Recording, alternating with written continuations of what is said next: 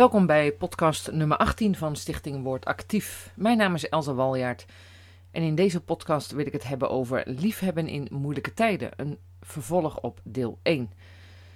Covid heeft helaas veel verdeeldheid gebracht, ook onder christenen. Het is zo belangrijk dat we elkaar weer vinden in het liefhebben op basis van Jezus Christus. Vorige keer heb ik het verschil genoemd tussen elkaar als christenen wel degelijk ergens op mogen aanspreken als het gaat om zonde met als doel elkaar dichter bij Jezus te brengen, op te bouwen.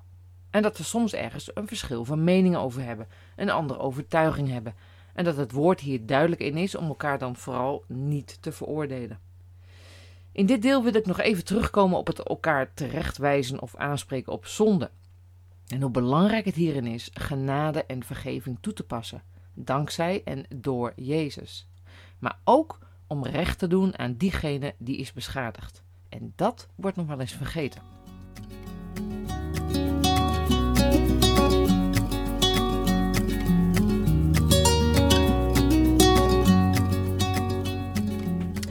Vorige keer hebben we het gehad over dat we elkaar kunnen terechtwijzen, elkaar mogen vergeven en vooral moeten liefhebben. Het accent moet echt liggen op het opbouwen van elkaar, die ander dichter bij Jezus willen zien. En als er dan onrecht is geschied, dan is het zaak om beide partijen te helpen. Ik wil een voorbeeld met jullie doornemen. Een situatie van overspel. Dit gaat over seksuele zonde. Een voorbeeld daarin staat genoemd in 1 Corinthians 5. Paulus benoemt hierin ook zo'n situatie en hij is vrij direct in deze brieven in dit hoofdstuk. Paulus is boos vanwege het feit dat deze man, die een seksuele relatie heeft met zijn stiefmoeder, niet is aangesproken, maar zijn gang kan gaan. Paulus zegt aan het eind van dit hoofdstuk dat je deze man uit de gemeente moet verwijderen, omdat hij zich kennelijk niet bekeert.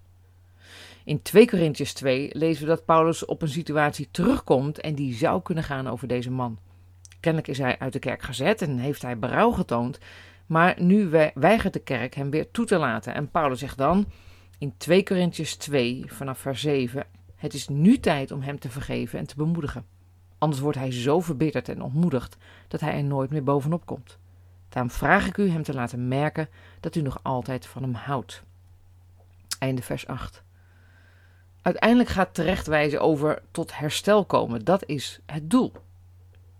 Maar in een situatie als overspel is het ook zaak om aandacht te geven aan bijvoorbeeld de vrouw die verraden is door haar man. Of een man die verraden is door zijn vrouw. Ik weet dat Jan Sjoerd Pasterkamp daar een keer over sprak en hij zei: Ja, er is vergeving voor deze man als hij zich bekeert van deze situatie en oprecht berouw heeft maar het herstel van vertrouwen kan jaren duren. Daarom is het zo belangrijk om ook naar de vrouw in deze situatie te luisteren en haar te helpen genezing te ontvangen van God, van medebroers en zusters en uiteindelijk ook van haar eigen man. Een huwelijk kan hierdoorheen gered worden, maar het is een proces die tijd kost. En we mogen dit niet te snel afhandelen door te zeggen: de man heeft brouw getoond en is vergeven, dus nu gaan we het er niet meer over hebben en hiermee eigenlijk de vrouw elke vorm van herstel ontzeggen. Jezus die zegt in, in 1 Johannes 5, vers 30, dan zegt Jezus, ik kan niets uit mezelf doen, ik oordeel zoals God het mij zegt. Mijn oordeel is eerlijk en rechtvaardig. Het gaat mij niet om wat ik wil, maar om wat God wil, want Hij heeft mij gestuurd. Eerlijk en rechtvaardig, dat hoort bij het leven. Als ons iets wordt aangedaan, willen we recht. En als we dader zijn, willen we vergeving. We hebben de Heilige Geest nodig om net als Jezus te horen hoe we elkaar eerlijk en rechtvaardig kunnen behandelen, hoe we eerlijk met elkaar kunnen optrekken.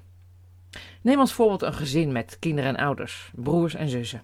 Het is veilig als er binnen een gezin ook rechtvaardigheid is. Kinderen voelen zich heel onveilig als een broer of zus je mag uitschelden en er wordt niet ingegrepen. Dan voel je je niet verdedigd door je ouders en dat maakt het onveilig. Tegelijkertijd wil je als ouders dus een kind terechtwijzen als nodig is om die ander te beschermen, maar wil je ook dit kind weer herstellen en bemoedigen als hij sorry zegt. Het gaat dan niet om een huiselijke sfeer van elkaar terechtwijzen, maar het omgekeerde. Een huiselijke sfeer waar we elkaar lief hebben en bemoedigen en waar je fouten mag maken. En waar een grens getrokken wordt als er onrechtvaardig gehandeld wordt. Goed, het is niet de opzet om een uitgebreide podcast hierover te maken, over elkaar terechtwijzen, al is dit zeker een onderwerp wat uitgebreider aan bod mag komen. Misschien later een vervolg. Deze podcast was gericht op iets anders.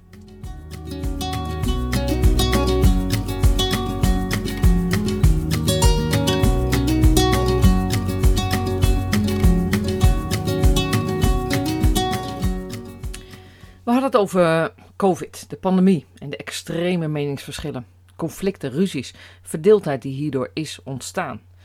Elkaar terechtwijzen is dus oké binnen een liefdevolle sfeer en als het gaat om zonde. Maar wat als we enorme meningsverschillen hebben? En opnieuw gaat het dan hier om hoe christenen onderling met elkaar kunnen omgaan. Ik wil overgaan op Romeinen 8.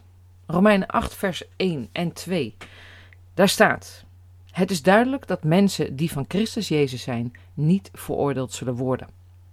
Doordat u met Christus Jezus verbonden bent, geldt voor u de nieuwe wet, de wet van de geest, de wet van het leven. U bent losgemaakt uit de wurgende van de zonde en bevrijd uit de macht van de dood. Einde vers 8. Dit woord is voor degenen die constant zichzelf veroordelen en denken fout te zijn. Of diegenen die dit denken omdat anderen dit over je uitspreken. Maar als je bij Jezus hoort, is er geen veroordeling. Punt. En voor hen die constant met schuld rondlopen, is dit zo belangrijk om te omarmen. En je weet zelf of je kiest voor Jezus. En dan is dit woord waarheid. En dan komen we bij Romeinen 14. Ik ben zo blij met dit hoofdstuk. Romeinen 14, het hoofdstuk gaat onder andere over eten. Over het verschil van mening over wel of geen vlees eten. En elkaar daarin niet veroordelen. Het gaat over feestdagen en hoe verschillend we waarde hechten aan bepaalde dagen, maar dat we elkaar daarin niet moeten veroordelen. Het gaat zelfs over commentaar hebben op elkaars bedienden en elkaar niet veroordelen. Romeinen 14 vanaf vers 7, daar staat: Niemand van ons leeft voor zichzelf en niemand sterft voor zichzelf, want ons leven is voor de Heer en ook ons sterven is voor de Heer. Wij zijn van Hem in leven en dood. Daarom is Christus gestorven en weer levend geworden. Hij moest immers de Heer van de doden en de levenden zijn. Hoe durft u dan een andere gelovige te veroordelen of op hem neer te kijken? Wij zullen ieder voor zich voor Christus terecht moeten staan.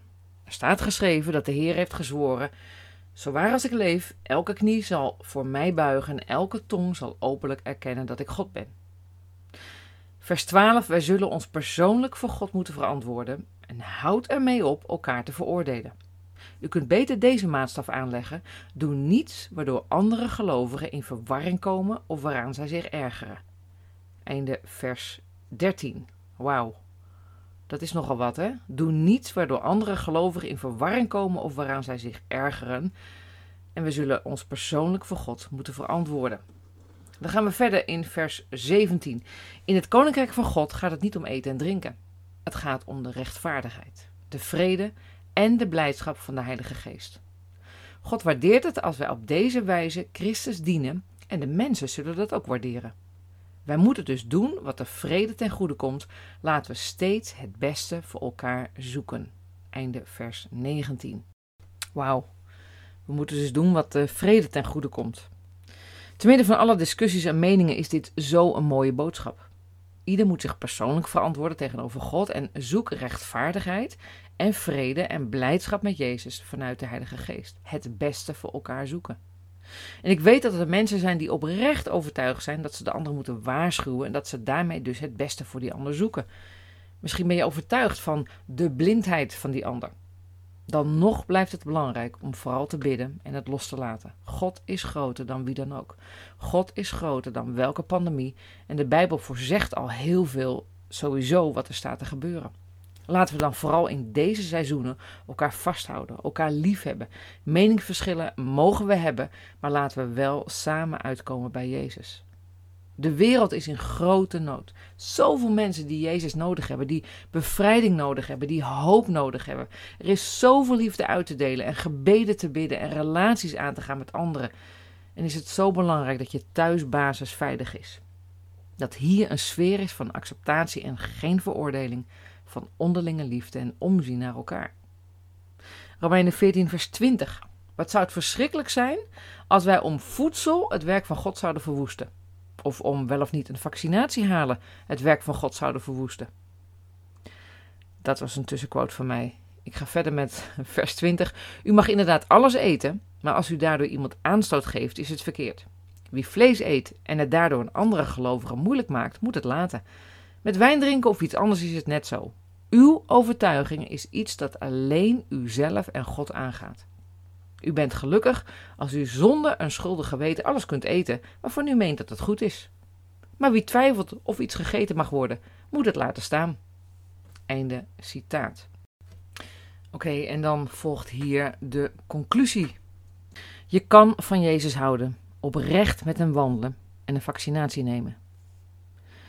Je kan van Jezus houden en oprecht met hem wandelen en geen vaccinatie nemen. Er is verschil tussen elkaar terechtwijzen op zonde of een verschil van mening, van overtuiging hebben. Op welke feiten dit wel of niet gebaseerd is. Ons hart is gericht op Jezus en we kunnen hier een meningsverschil over hebben. En de opdracht is dan om elkaar niet te veroordelen. Laat elkaar lief hebben en open praten over wat ons soms doet worstelen of juist doet geloven. Op een volwassen wijze, vriendelijk en met het nodige respect, gebaseerd op onderlinge liefde. Dan zal de wereld zien wie Jezus is. Amen. Goed, en deel 3 volgt nog over hoe we nu met deze meningsverschillen weer de weg naar elkaar kunnen vinden. Voor nu, wees gezegend en laat ons best doen in het huisgezin van God een sfeer te scheppen waarin er geen veroordeling is, waar we elkaar lief hebben vanuit eerlijkheid en rechtvaardigheid. Tot een volgende podcast.